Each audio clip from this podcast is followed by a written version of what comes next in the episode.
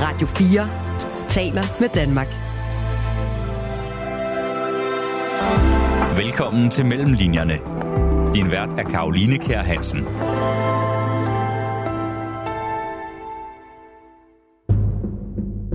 Vi blev bombet stort set hver dag med raketter og mortergranater. Natten til den 20. marts 2003 blev Irak besat af en USA-ledet koalition. En koalition, som også Danmark var en del af. Og Torben Gettermann var en af de danske diplomater, som blev sendt til det åbne krater for 20 år siden. Det har været en personlig en, en, en øh, skal jeg sige, stor oplevelse. Til tider lidt voldsom oplevelse. Til tider lidt øh, grænseoverskridende oplevelse. I den nye bog Krigszone tager Torben Gettermann læseren med på en øjenvidende beretning gennem livsfarlige attentater og til et land på en umulig vej mod demokrati. Jeg synes, det er vigtigt at fortælle en historie om, øh, hvordan Danmark var involveret på jorden i Irak. Øh, både de gode ting, det var der ikke så mange af, og de dårlige ting. Øh, så man forhåbentlig kan drage en lære af, hvad man gjorde rigtigt, hvad man gjorde forkert. Velkommen til Mellem Linjerne. Jeg hedder Karoline Kjær Hansen.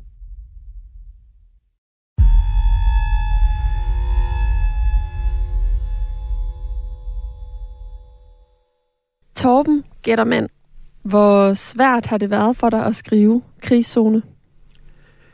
Det har været en øh, lang proces. Det har også været til tider svært at skrive om øh, nogle af de oplevelser, jeg har haft.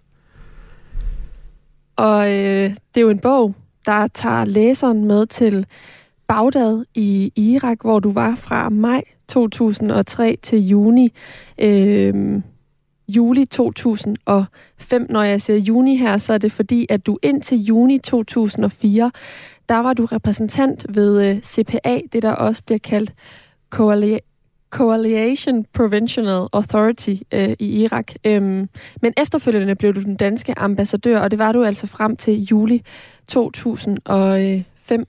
Hvordan vil du beskrive den øh, tid sådan overordnet set, når du nu ikke har øh, 300 sider til rådighed, som der ellers er i din bog? ja, sæt det på kort form. Og det har været en personlig, en, en, en øh, skal jeg sige, stor oplevelse til tider lidt voldsom oplevelse, til tider lidt øh, grænseoverskridende oplevelse. Og det har også været en, en, en oplevelse, hvor mange af de ting, som jeg troede på fra begyndelsen, viste sig at være noget helt andet end øh, det, som jeg havde forventet. Så hvornår stod det klart for dig, at du skulle skrive en bog om det her? Altså, øh, var det da du øh, tog hjem i juli 2005 og fandt ud af, at det, du troede var, som det var, ikke var det? Eller at det, øh, fordi vi øh, nu står ved øh, 20-årsdagen for øh, øh, invasionen i øh, Irak? Eller hvornår er det ligesom, det står klart for dig, at det her er noget, du skal skrive om på et tidspunkt? Allerede fra begyndelsen øh, begyndte jeg at lave øh, dagbogsnotater. Sådan lige for at huske de forskellige ting, som, som skete. Øh, det var ikke med det formål at skrive en bog. Det var sådan mere for, for mig selv, måske også for familien. Øh, så senere begyndte jeg at skrive lidt mere, skrive, begyndte at skrive dem sammen.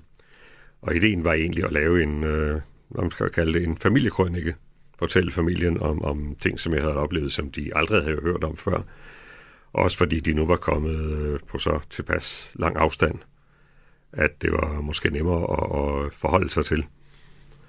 Og øhm, det var først på et meget senere tidspunkt, at øh, det endte med at blive til et bogmanuskript. Og det var fordi, jeg fik en, en opfordring fra nogle af mine venner, som sagde, jamen, øh, du har skrevet det her, hvorfor prøver du ikke at få det udgivet som bog? Mm. Og hvad er det, hvad er det den her bog øh, kan for andre end dig og din øh, familie? Altså, hvorfor er det så vigtigt et øh, emne at sætte øh, fokus på øh, nu, her 20 år øh, efter? Jeg synes, det er vigtigt at fortælle en historie om, øh, hvordan Danmark var involveret på jorden i Irak. Øh, både de gode ting, det var der ikke så mange af, og de dårlige ting. Øh, så man forhåbentlig kan drage en lære af, hvad man gjorde rigtigt, hvad man gjorde forkert Øh, og skulle man komme i den situation, hvad, man jo, hvad jeg jo ikke kan udelukke, vil kunne ske i fremtiden, at Danmark skal med i endnu en krig, at man så også gør sig nogle øh, tanker om, øh, på hvilke vilkår og hvad man så forventer af, af dem, man så skal være i koalition med, og hvor meget Danmark kan bidrage med, i, når det kommer til stykket. Mm. Med andre ord er det her altså øh, et tidspunkt, som øh, vi kan lære af øh, af historien. Altså den floskel kan man godt bruge i den her, øh, i den her sammenhæng, eller hvad mener du? Det, det vil jeg mene, man godt kan. Øh, man bør altid kunne lære af historien. Du lytter til Mellemlinjerne på Radio 4. Den her historie, den begynder altså i Irak den 20. marts 2003. Det er 20 år siden i nat, og øh, de fleste kan i hvert fald huske, hvad de lavede den 11. september 2001, som altså var optakten til krigen. Terrorangrebet på, øh, på hvad hedder det, World Trade Center øh, fik altså den amerikanske præsident George W. Bush til at erklære krig mod øh, terror dengang. Men selvom at det ikke er alle, der kan huske, hvad de lavede for lige præcis 20 år siden øh, i nat, så formoder jeg, at du kan det, Torben øh, Gettermann. Øh, hvad lavede du, da Irak øh, blev besat af en USA-ledet koalition? Øh, jeg sad og så fjernsyn. Jeg havde været meget optaget af situationen på forhånd.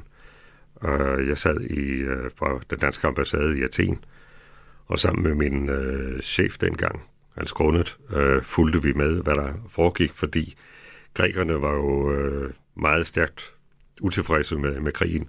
Der var store demonstrationer, og man var interesseret i København i at følge med i, hvordan man reagerede i, i øh, Grækenland.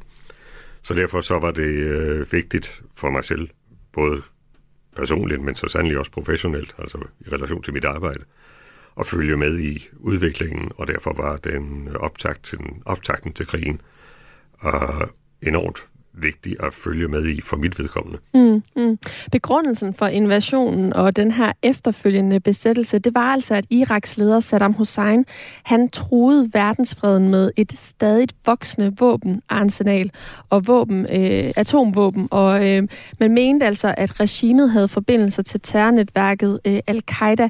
I FN var der ikke flertal for en krig mod Irak øh, dengang, og den blev altså gennemført uden øh, FN-mandat, men, men med støtte fra øh, Storbritannien, Australien øh, og Danmark.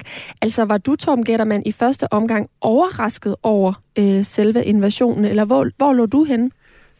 Jeg var ikke overrasket over invasionen, øh, og det vil sige, den præsentation, som man gjorde fra amerikansk side i, i FN's Sikkerhedsråd dengang, hvor man fremlagde det, som man sagde var beviser på, at øh, Saddam Hussein pønsede på øh, at lave flere, hvad hedder det, kemiske våben, og at han havde atomvåben.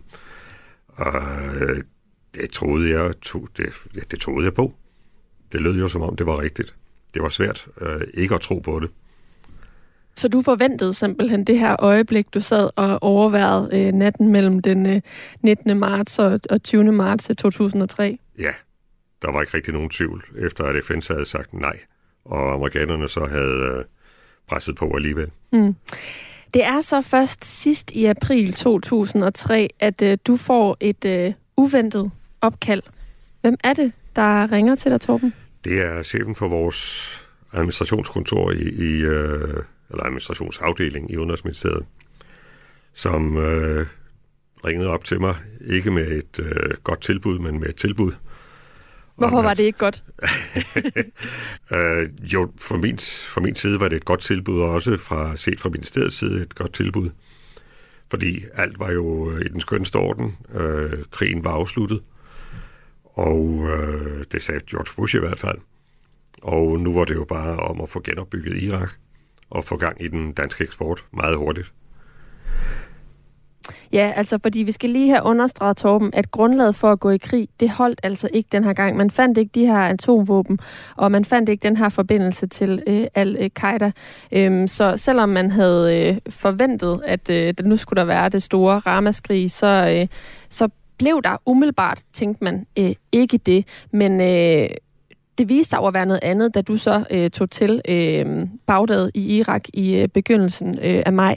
Inden da, hvad var din umiddelbare tanke, da du fik det her opkald? Altså tænkte du, det, øh, du siger det umiddelbart, det det ikke er et godt tilbud, men det var det jo alligevel for dig, for det var jo en, øh, en rangstigning for dig. Du var øh, godt på vej øh, op. Du har været øh, på det her tidspunkt ansat i Udenrigsministeriet øh, i 1980, derefter vicekonsul i Saudi-Arabien, attaché i Mexico, første ambassadør ambassadesekretær i Ungarn og ambassaderåd øh, i øh, Grækenland. Altså, du kravlede dig gevaldigt op ad stigen løbende, kan man godt sige. yeah. så, så det her var jo endnu et, endnu et trinbræt, du kunne træde op på. Jo, altså det, naturligvis spillede det også ind. Uh, men det var lige så meget, at uh, jeg kan godt lide udfordringer, der jeg godt kunne lide hele min karriere. Og jeg har været, skal man kalde det, heldig at blive stillet over for en række udfordringer, som krævede en, en hel del. Øh, også at det lykkedes at få, skal vi sige, komme i mål med de forskellige udfordringer, som jeg har arbejdet med. Øh, det her, det var en speciel opfordring eller et specielt tilbud. Um, og på, som udgangspunkt, så var alt jo fredeligt i øh, Irak. Nu var besættelsen en realitet, og Saddam var væk. Øh, så nu kunne det jo kun gå en vej, og det var fremad. Og det kunne jo være sjovt at være en del af den øh, det arbejde, der så skulle gøres. Mm. Men så havde du også familien derhjemme, øh, som du egentlig ikke umiddelbart troede ville øh, støtte dig i det her øh, forslag. Jeg kunne også forestille mig, at øh, du har nogle øh, tre øh, teenager på det her tidspunkt, der følte, de havde flyttet vældigt rundt i landet eller undværet øh, deres far. Din øh, kone er fra Spanien, skal jeg lige tilføje. Øh, men du fik faktisk støtte øh, hjemmefra, og det var du egentlig lidt overrasket øh, over. Hvorfor var du det? Jo, fordi altså, jeg valgte jo, at vi skulle have sådan et lille familieråd, så det havde øh, talt med øh, administrationschefen, når vi kom hjem til huset, så satte vi os ned, hele familien, alle tre børn og min kone og jeg. Og så forklarede jeg dem, hvad der var, der var blevet foreslået fra Udenrigsministeriet.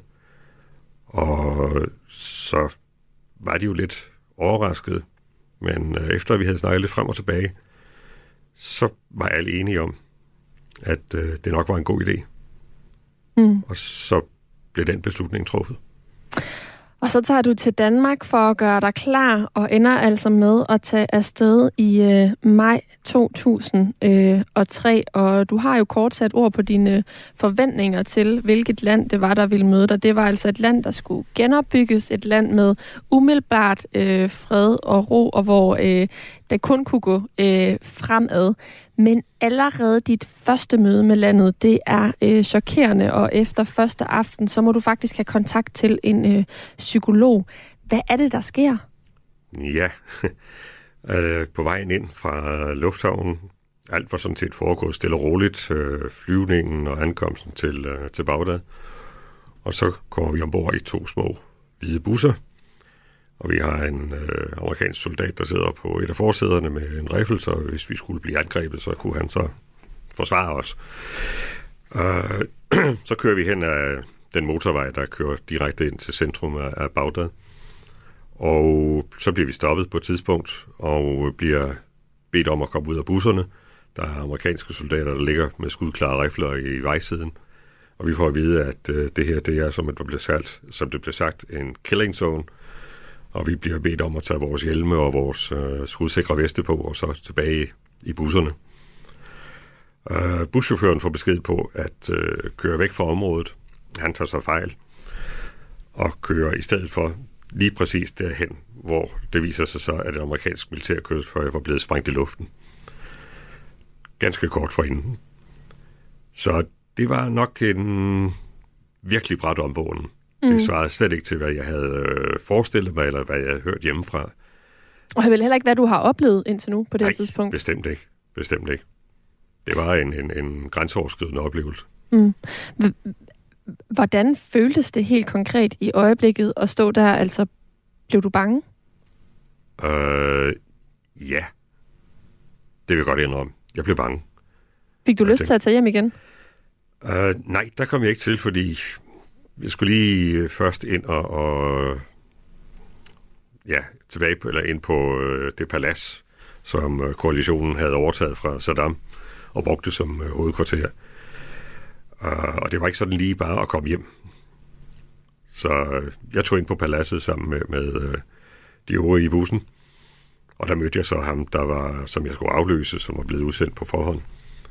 og hvis job jeg skulle overtage igen. Og vi fik snakket lidt sammen, men jeg kunne da mærke på mig selv, at øh, det her, det, det kørte stadigvæk rundt i hovedet på mig. Mm. Og den her oplevelse, øh, hvordan vil du rangere den i forhold til de øh, oplevelser, der øh, fulgte? Altså er den, øh, er den sådan en gennemsnitlig oplevelse af dem, du havde mange af i, øh, i Irak? Ja, det kan man godt sige. Desværre vel? Ja, netop desværre. Uh, jeg har oplevet det, der var værre. Jeg har oplevet det, der var knap så slemt, men, men uh, sådan en gennemsnitsoplevelse. Mm. Hvordan var den tid, der fulgte herefter? Altså, det var en bræt opvågning, opvågning som du selv øh, kalder det. Øhm, men, men hvordan var de efterfølgende måneder for dig? Ja, der gik det jo med at, at prøve på at finde ud af, øh, hvor Danmark kunne komme ind med, eller hvor Danmark som, som donorland kunne komme ind med sine penge til genopbygningen af Irak. Og de projekter, som min forgænger havde øh, lagt i støbeskeen, blandt andet skulle Danmark have en øh, post som vice justitsminister. Det havde han i hvert fald fået udvirket. Men det viste sig at øh, det skulle ikke blive sådan. Vi fik ikke den viceministerpost, fordi øh, det var så dynamisk en situation, vi var i, projekterne, øh, idéerne og planerne og strategierne blev ændret konstant. Så når, når man vi ikke får en, en vice justitsministerpost, det var chokerende for, et, for Udenrigsministeriet, fordi det havde man virkelig håbet på, fordi så kunne man ligesom sige, vi har fået noget, hvor vi er stærke, det er de bløde værdier, det er retsstat, øh, vi skal arbejde med osv. Øh, det blev så ikke til noget. Nej, fordi hvad var egentlig den største udfordring? Var det i virkeligheden øh, den krig, der stadig øh, havde øh, ude foran øh, murene, og nogle gange også øh, inden for murene, det vender vi tilbage til inden øh, længe, eller var det i virkeligheden den øh, interne, de interne magtkampe, øh, koalitionen øh, imellem? De var stort set lige store, fordi øh, efterhånden som tiden gik, altså de første par måneder, så blev sikkerhedssituationen så meget værre, end, end øh, man havde forestillet sig. Og så lægger, kan man oveni lægge, at øh, man internt i koalitionen ikke havde en fast linje for, hvad det var, man ville. Amerikanerne stod på øh, deres del, og var sådan set dem, der gennemtrumfede øh, det, de gerne ville, og det, de gerne ville have. Og, og andre lande i koalitionen havde ikke voldsomt meget at skulle have sagt. Og så det blev et amerikansk show, og det kan vi også komme tilbage til lidt senere. Og det var ikke så sjovt at være den danske repræsentant. Det var svært, fordi man skulle jo ligesom have noget gennemslagskraft. Mm. Og øh, et eksempel er jo sådan set, at, at øh, Danmark var så heldig, kan man sige, at øh, vi fik posten som øh, regionalkoordinator i byen Basra nede i det sydlige Irak. Og der var en af mine kollegaer, som på det tidspunkt var ambassadør i Syrien. Han blev sendt afsted og fik den post. Han havde den fordel, at han øh, talte flydende arabisk, og havde været i Arabien, eller arabiske lande igennem mange år. Så han kendte øh, kulturen og kendte til øh, traditioner. Noget, som amerikanerne ikke kunne rose sig af.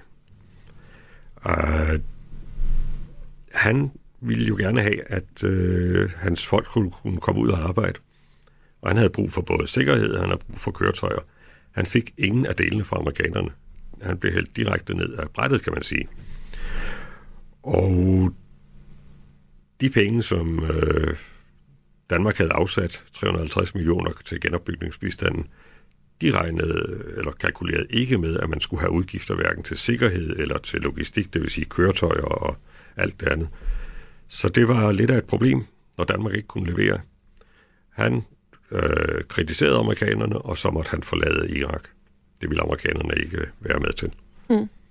Og så siger du, Torben, at øh, sideløbende med det her, så blev sikkerhedssituationen øh, forværret. Hvordan blev den det? Altså, hvad var det helt konkret, du oplevede? Jeg vil sige, årsagen til, at den, den blev forværret, en meget kraftig medvirkende årsag, øh, var, at Paul Bremer, som noget af det første, han gjorde, øh, var at opløse hæren fuldstændig. Love officerer og hvad hedder det, karrieresoldater, at de kunne få en pension. Og det andet dekret, han udstedte, var, at alle, der var, havde været medlem af Baathpartiet, det vil sige det regeringsbærende parti i, øh, i Irak, og under Saddam Husseins diktatur, de kunne ikke deltage i øh, genopbygningsindsatsen. De kunne ikke komme tilbage i det ministerie, de havde siddet i, eller styrelser, eller hvad der du kan være. De blev forbidt enhver adgang. Dermed havde han ødelagt et, sikkerhedsstrukturen, to, han havde fjernet hele den administrative struktur og øh, institutionelle hukommelse, der havde været. Så kunne det næsten kun blive en opskrift på, at det ville blive værre. Og hvad var det mest voldsomme, du oplevede øh, i, i de her øh, to år, du var dernede? Altså, hvornår var du mest bange, så at sige? Det vil jeg nok sige var da, da det hotel, jeg boede på, inde i det, de kaldte den grønne zone, det vil sige, det var det område, som amerikanerne sikrede, men som bestemt ikke var et sikkert område, fordi vi blev bombet stort set hver dag med raketter og mortergranater. Men øh, tilbage til den oplevelse, det var i oktober, hvor hotellet blev bombet, eller rettere, vi blev udsat for et angreb med øh, raketter. Og der øh, vågner jeg op der tidligt om morgenen, fordi jeg skal ud og hente arbejdere, irakiske arbejdere ved et øh, checkpoint, fordi vi var i gang med at sætte vores øh, hus i stand. Og så få minutter efter jeg vågner op, så lyder der de første brag. Og jeg kigger ud af vinduet og kan se, at der løber nogle amerikanske soldater der med, med geværer i retning af, hvor lyden kom fra. Og et øjeblik efter, så lyder der så igen en øh, lang serie øh, højbrag. Jeg fik lukket døren op, efter jeg havde rejst mig op. Jeg havde kastet mig ned mellem sengen og badeværelsevæggen. Og jeg fik med besvær min dør lukket op, og der var bare røg over det hele i gangen udenfor, og værelset over på den anden side var totalt ødelagt. Det lyder jo helt vildt, Torben. At, altså, det lyder nærmest som et mirakel, at du er i live i dag. Ja, jeg er heldig, at jeg lå på den, eller mit værelse var ud til den anden side. Hmm. Og du formåede så at komme, øh, komme ned fra, altså ud fra værelset og, øh, og ud i, øh, i sikkerhed, eller hvad gjorde du, ja, efter du fik altså, åbnet døren?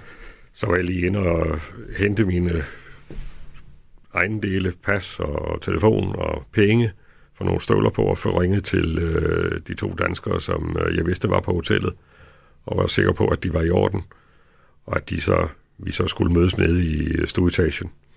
Mm.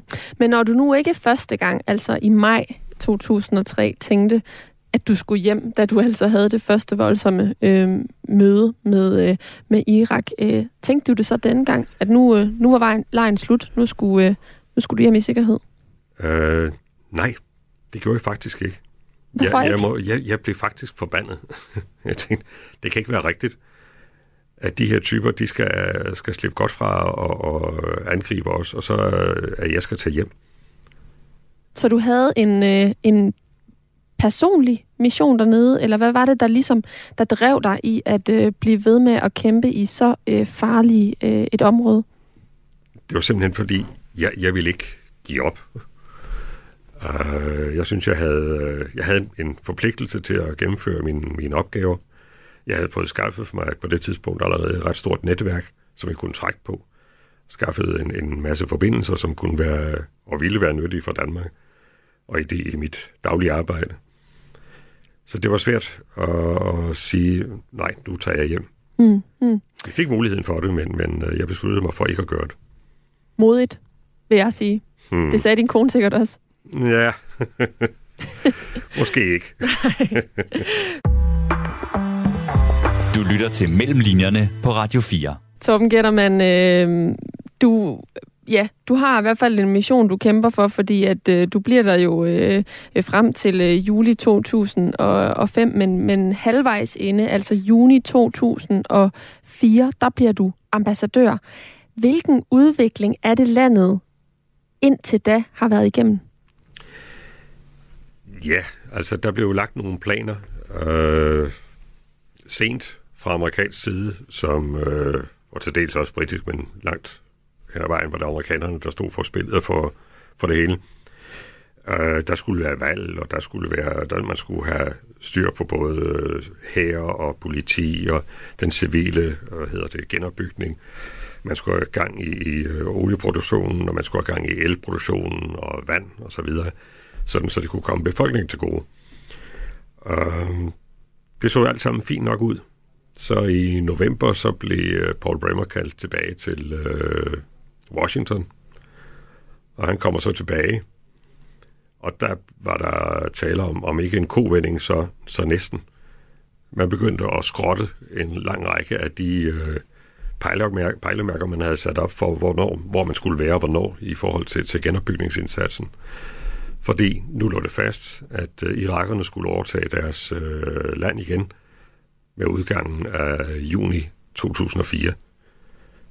Så pludselig så blev øh, et bredt anlagt øh, skal vi sige, øh, program for genopbygningen skrænket eller indskrænket til øh, kun de allermest nødvendige ting. Og det vil jeg sige, det, det, var, det var lidt chokerende. Hvordan reagerede du på det selv? Jamen altså, vi måtte jo så gøre, hvad vi kunne, fordi øh, vi havde ikke den gennemsagskraft, vi kunne sige til amerikanerne, nej, nej, nu øh, skal vi altså holde fast i det her. Ikke?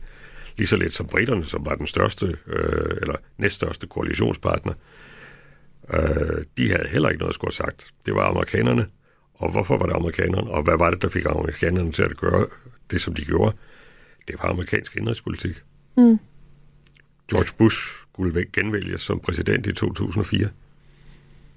Og det var, øh, der var den her beslutning vigtig for et genvalg?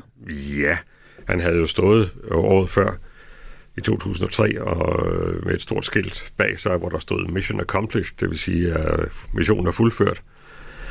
Og så var han jo ligesom nødt til at vise, at øh, det var den. Og den eneste måde, han kunne gøre det på, det var at trække øh, hvad hedder det, den civile administration ud altså koalitionens administration ud, og så sørge for, at irakerne selv overtog det hele.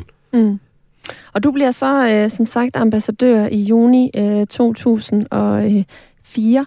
Tøver du på nogen måde med at, at tage ja til den stilling? Øh, nej. Klart svar igen, Torben. Ja, det gjorde jeg ikke. Hvorfor ikke? Øh, nej, fordi jeg havde jo allerede på det tidspunkt øh, brugt rigtig meget på at øh, få skaffet de rigtige kontakter i de eller øh, ministerier hos de personer, som det lå i kortene ville komme til at gå ind i den overgangsregering, der ville komme på plads den 30. juni 2004. Uh, øh, vi havde haft øh, udenrigsministeren, Per Stig Møller, på besøg, og der var altså, det skulle gå fremad. Og det kunne godt gå fremad.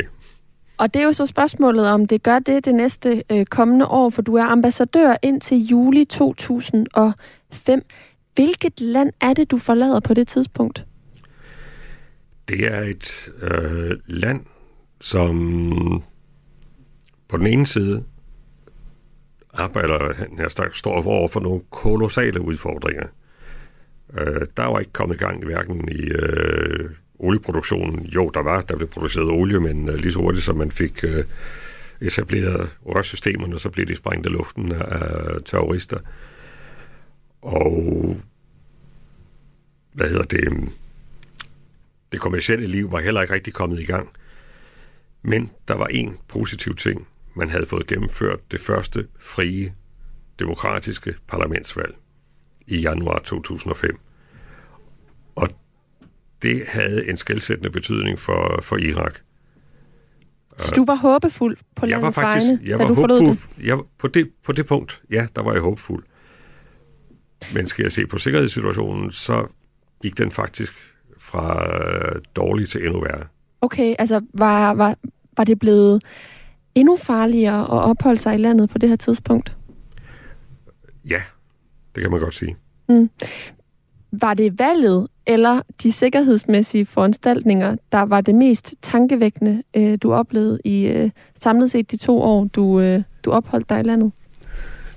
Det, det er svært at sige, at, at de to udelukkende. Øh, jeg vil sige, det der så gjorde mest indtryk på mig, sådan, det var valget, fordi vi andre tager det at gå ind og stemme i stemmeboksen som noget helt naturligt. I Irak, der havde de ikke haft et demokratisk valg eller noget, der lignede det, siden 1958. Og det at opleve irakere, som kom glædestrålende med deres blæksværtede pegefinger for at vise, at de havde stemt, og de var jublende lykkelige, det, det var sådan en glæde, som, som det var svært ikke at blive smittet af og blive rørt over. når man tænker på de, øh, risiko, eller den risiko, de løb ved at gøre det. Mm. Din undertitel er øh, en insiderberetning om Iraks umulige vej til demokrati 2003 til 2005. Og det gode spørgsmål er jo så, når du fortæller, at du forlod øh, landet øh, håbefuldt på grund af det her øh, præsidentvalg i 2005. Øh, Hvorfor det så er en umulig vej til demokrati, som Irak er på?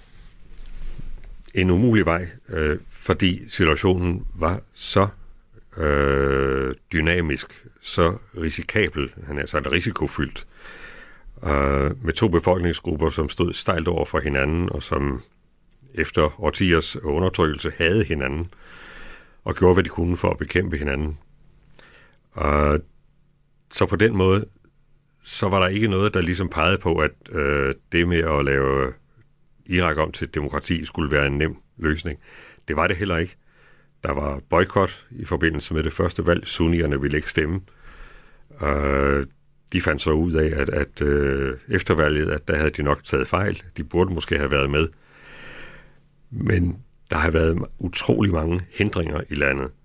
Øh, sekteriske opgør, øh, sekteriske militser, som har bekæmpet hinanden, øh, korruption i, i udstrakt grad. Men det, som ligesom øh, ligger over det hele, er, at den demokratiske udvikling er fortsat.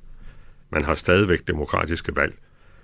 Øh, Irak bliver et demokrati, ikke et dansk, ikke et øh, tysk, og slet ikke et amerikansk demokrati, men et irakisk demokrati, som de jo stadigvæk skal arbejde på, ligesom vi andre arbejder på en vores demokrati. Det er jo en, en, en størrelse i stadig bevægelse, der kan altid ske. Man kan altid gøre det bedre. Mm. Så, så, så øh, det faktum, at øh, en øh, USA-ledet øh, koalition, der altså også bestod af Danmark, øh, Storbritannien og øh, Australien i øh, 2003, øh, var det en fordel for, for Irak som land og som samfund, altså ud fra dit øh, perspektiv, eller havde det været bedre at øh, lade landet øh, klare øh, kampene selv og, øh, og ikke... Øh, ikke erklærer krig mod øh, terror, som øh, Bush sagde i, øh, i sin tid. Ja, der er vi jo inde på, hvad, hvad var årsagen til, til krigen? Uh, som jo byggede på uh, usande beretninger fra amerikansk side omkring, hvad det var, uh, Saddam Hussein uh, havde gang i. Men, men, men gjorde invasionen nogen, øh, noget positivt i forhold til genopbygningen af, af landet efterfølgende? Altså, øh, havde det været bedst ikke at øh, på nogen måde trække sig øh, ind på det her øh, land, eller havde det været bedst at holde nallerne for sig selv, så at sige? øh, øh, skal vi som Vesten komme og sige, vi ved bedre, øh, eller hvordan ser du på det? Uh, for lige at det sidste først, nej, vi skal bestemt ikke komme og sige, vi ved bedre. Og det tror jeg nok, at, at Irakkrigen er et, et, et, et godt eksempel på.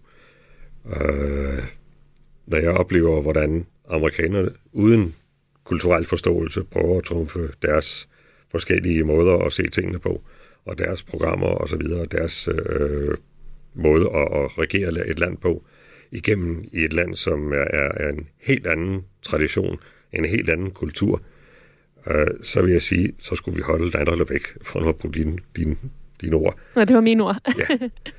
Uh, man gjorde ikke noget godt på den måde.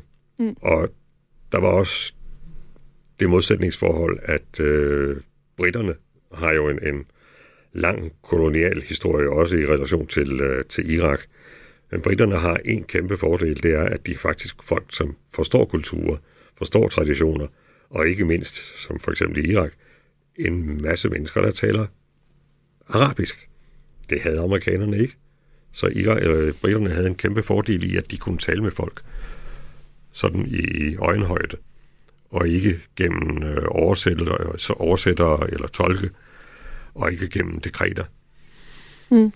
Men som du selv sagde lige før, Torben Gettermann, så øhm, byggede grundlaget på krigen jo egentlig på usande øh, påstande. Man havde de her formodninger om at kunne finde atomvåben og forbindelsen til øh, al-Qaida, men det kunne altså ikke påvises. Og i sin tid var det altså også et øh, snævert flertal i Folketinget, som besluttede, at Danmark skulle være med i den her USA-ledet øh, koalition. Øhm, det er så efterfølgende kommet frem, at efterretningsoplysninger de blev strammet lidt til, og centrale oplysninger de blev holdt tilbage for Folketingets øh, politikere.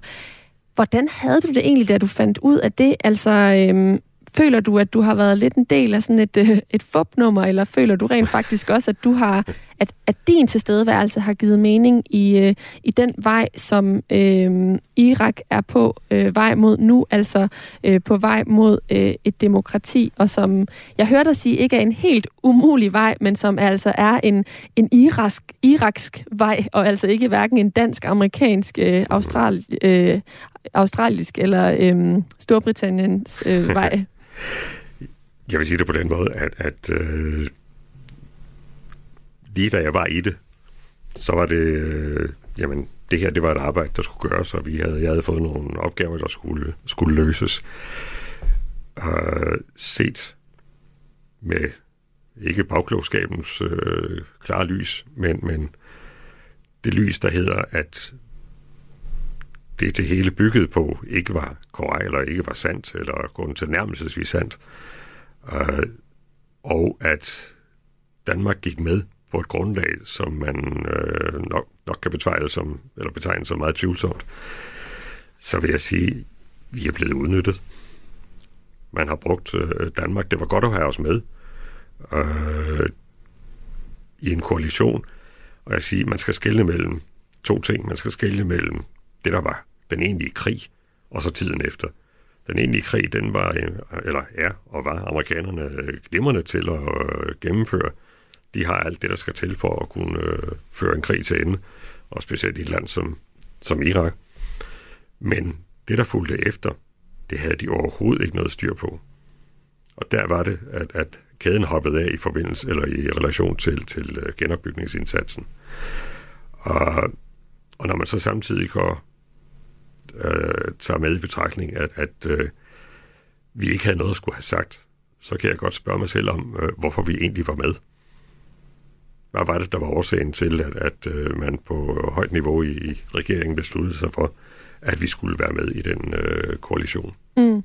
Men øh, man kan ikke sige, at det var spildt tid for dig, Torben, fordi efterfølgende så blev du blandt andet ambassadør og generalkonsul i New York og senere øh, i øh, Hongkong, og din sidste post var altså som ambassadør i øh, Nigeria. Så jeg formoder, at du har ikke fortrudt, du brugte din tid på det her.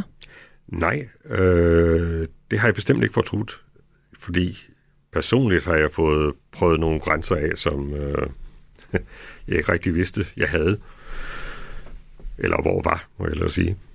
Øh, på den anden side, så har det været øh, godt at kunne få skrevet det ned, få sat det på papir, øh, så jeg kunne skrive mig ud af nogle af de oplevelser, jeg har haft. Du lytter til Mellemlinjerne på Radio 4. I begyndelsen af programmet, så sagde du, at den her bog jo til tider også har været svær at skrive, og der hersker formentlig ingen tvivl blandt øh, mine lyttere, nu når de har hørt dig fortælle om nogle af dem, som altså er de øh, personlige oplevelser, du har haft, som din bog bygger på, at det har været voldsomme to år, du har opholdt dig i øh, Irak, og ikke mindst to øh, meget lærerige øh, år.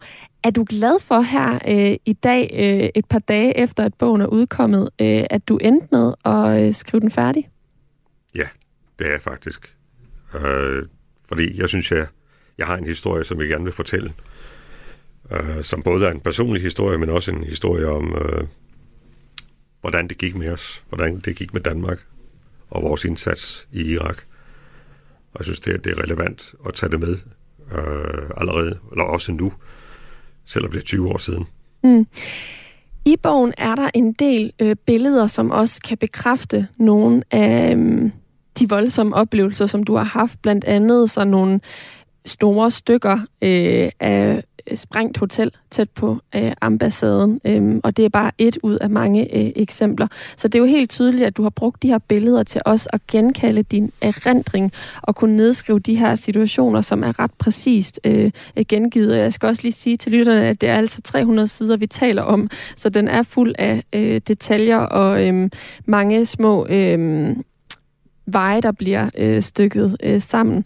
Men, men hvem har egentlig i sidste ende hjulpet dig mest, Torben, til at stykke det her øh, puslespil øh, sammen, som, som jeg formoder, det har været øh, i arbejdet med den? Altså, jeg har jo selvfølgelig støttet mig til, til øh, mine dagbogsoptegnelser, jeg har støttet mig til, til øh, e-mail, som jeg har masser af, og dokumenter osv. Og, og så har jeg været i kontakt med en øh, del af de mennesker, som øh, jeg beskæftigede mig med, og som jeg lærte at kende dengang, både danske og udlandske øh, for at være sikker på, at den, den måde, jeg beskriver tingene på, nu også svarer til, til øh, deres oplevelse af, af situationen. Mm. Uh, Hvordan var det egentlig? Altså at tage fat i folk her så mange år efter, når man har været fælles om nogle så øh, voldsomme oplevelser? Det, det har været en, en interessant oplevelse, må jeg sige, fordi uh, lad mig give dig et enkelt eksempel. Uh, I New York, der mødte jeg med min uh, portugisiske kollega, han var portugisisk ambassadør i, i, øh, i Irak på det tidspunkt, da jeg var der. Og vi har ikke haft kontakt øh, efterfølgende, indtil han en dag ringer og siger, at jeg er i, Køben, eller i New York, kan vi lige hilse på hinanden? Så jeg sagde, kom op for en kop kaffe. Og han kom bare ind ad døren, og det var ikke noget med at give hinanden hånden, det var bare sådan et kæmpe stort kram. Ikke? Fordi når man har været i sådan nogle situationer, så er der nogle ting, sker der nogle ting, hvor, hvor man ligesom føler, at øh, ord behøves ikke. Øh, vi har været sammen, og det er svært at forklare til andre, øh, hvordan det er at have oplevet øh, det, som vi har oplevet. Men jeg prøver alligevel på at gengive så meget af det i, som muligt i bogen. Og det lykkes du, øh, det lykkes du heldigvis øh, øh, godt med. Torben, som jeg sagde, så er det jo et helt vildt CV, du har. Altså, jeg har simpelthen nævnt så mange forskellige stillinger, stillingsbetegnelser og så mange forskellige øh, øh, lande. Men alligevel, så er det din tid i Irak, som du har valgt at skrive øh, en øh, bog om. Er det fordi, det sådan er din mest lærerige år, eller de år, du er mest stolte af, eller hvad er årsagen i sidste ende til det? Ja, jeg vil sige, ordet lærerige, det, det vil jeg godt bruge det har været enormt lærerigt for mig at være i Irak, altså både på det professionelle, men også på det personlige plan. Og stolt? Jo, på sin vis. Stolt af, at, at øh, det lykkedes mig at gennemføre den opgave, som jeg blev stillet. Men øh, der var bare så mange andre ting, som aldrig lykkedes. Af men... de ting og de projekter, som skulle gennemføres, og vi skulle have gennemført. Men nu du er forhåbentlig stolt af at have skrevet en bog nu.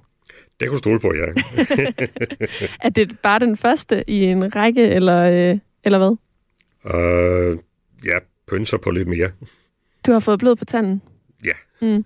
Men uh, Torben, så uh, vil jeg næsten høre, hvad er det vigtigste, du har lært af at skrive en bog? Altså, du har jo kastet dig ud i det her uh, bogprojekt, som en, der ellers normalt har beskæftiget dig med noget, uh, med noget helt andet. Uh, det må også have været en lidt vild Måske en lige så lærerig proces, som, øh, som det at være i, øh, i Irak i genopbygningens år øh, fra 2003 til 2005. Ja, jeg kan jo ikke sige mig fri for, at når, øh, efter så mange år i øh, statens tjeneste, altså i Udenrigsministeriet, så får man jo tillært den måde at skrive på, øh, som ikke er lige så øh, ordret eller mundret som øh, det daglige sprog. Så jeg har skulle arbejde meget med, øh, med sproget, og jeg har heldigvis på forlaget haft to rigtig gode redaktører, som har hjulpet mig på vej og sikret mig, øh, skal vi sige, lært mig, hvordan man faktisk øh, skriver en, en, øh, en tekst. Og det har været enormt sjovt at arbejde sammen der. Det, det, jeg synes, det var morsomt at se, jamen, øh, du skriver sådan der, hvad er det egentlig, du mener? For det er sådan meget, det man i dag, gamle dage kaldte kancelisprog, sådan byråkratsprog øh, kan du ikke skrive det ud på en anden måde. Så det har været sjovt at, at køre igennem hele den proces. Mm. Og så er, er, er din, din historie jo også et eksempel på en, hvor at man også kan lære noget af at øh, sende sit manuskript til lidt forskellige, for det var jo ikke lige den første gang, det gik igennem øh, øh, nøglehullet. Øh, er det ikke rigtigt? Jo, jeg havde prøvet et par øh, forlag, Faktisk øh, startede jeg først med, med, med Gyldendal, uh, men jeg hørte ikke noget i lang tid, og jeg tænkte, okay, så kan det godt være, at de, de bare har glemt det. Og så prøvede et par andre forlag, som var mere eller mindre interesserede. Øh, og så pludselig så kom Gyldendal på banen og sagde, at de var faktisk interesserede i at udgive det som en bog. Og så var jeg jo glad. Mm. Ja, fordi det er Gyldendal, der har udgivet øh, Krigszone, som udkom i øh, torsdags den øh, 16. marts 2023. Øh, Torben Gettermann, her øh, til slut, når du nu sidder i aften øh, eller i nat øh, og mindes, at det er 20 år siden, at øh, Irak blev invaderet af en øh, USA-ledet koalition. Hvad er det så for nogle tanker, du sidder med? Ja, det, det, det er svært at sige sådan på kort form, men det, det er jo tanker, der, der går tilbage og siger, men okay, jeg gjorde det. Jeg var der. Øh, jeg kom hjem igen. Helt skinnet. Øh, men missionen lykkedes jo alligevel aldrig rigtig helt. Og øh, tror du, at øh, den mission, som Irak selv står overfor, altså en øh, vej til øh, demokrati, lykkes? Tro. Øh, jeg håber det. Jeg håber det. Men de har så mange problemer, de skal kæmpe med. Og øh, hvis de bare kunne få bugt med halvdelen af dem, og ikke mindst korruptionen og sikkerheds, sikkerhedssituationen, så kan det godt lykkes. Så lyder det altså fra min øh, gæst i dag, øh, Torben Gettermann. Tusind tak, fordi du vil være med her imellem linjerne og fortælle om dit arbejde med din nye bog, Krigszone. Tusind tak skal du have. Det har været en fornøjelse. Også stor tak til dig, som lyttede med. Hvis du er sulten efter mere perspektiv på 20-årsdagen for besættelsen af Irak af den USA-ledede koalition, så kan du med fordel lytte til vores nye kulturprogram Only in America. Her der taler kulturjournalist Frederik Dirk Gottlieb og USA-ekspert Mirko Reimer Elster sammen hver eneste torsdag kl. 14 til 15. Og på torsdag der handler det altså om 20-året for invasionen af Irak. Sammen dykker Mirko og Frederik ned i musikkulturen og ser tilbage på særligt støtte- og protestsange, som kom frem for 20 år siden. Det skal blandt andet handle om øh, de to mest kendte nok øh, Eminem-sang Mosh og Green Days American Idiot, men det kommer også til at handle en del om country-sangeren, fordi der var der altså generelt støtte til invasionen og øh, til Bush, og det var noget kontroversielt, da et af de største amerikanske country-bands, dengang Dixie Chicks, tog afstand fra krigen og øh, kritiserede øh, Bush modsat mange af de andre country musikere. Men der er altså lidt for øh, en hver øh, musiksmag, og det er som sagt på torsdag kl. 14 til 15, eller som podcast, der hvor du plejer at lytte til podcasts. Hvis du kunne lide, hvad du hørte i dag, så kan du finde, finde mange flere forfattersamtaler, øh, også som podcast, hvis du søger efter mellem linjerne, enten i Radio 4's app, eller der, hvor du plejer at lytte til den slags. Og ellers så er jeg tilbage igen næste søndag kl. 12 til 13 i næste uge med romanaktuelle Alberte Vending. Der er altså også lidt musik i øh, mit program i næste uge. På genhør og rigtig god weekend.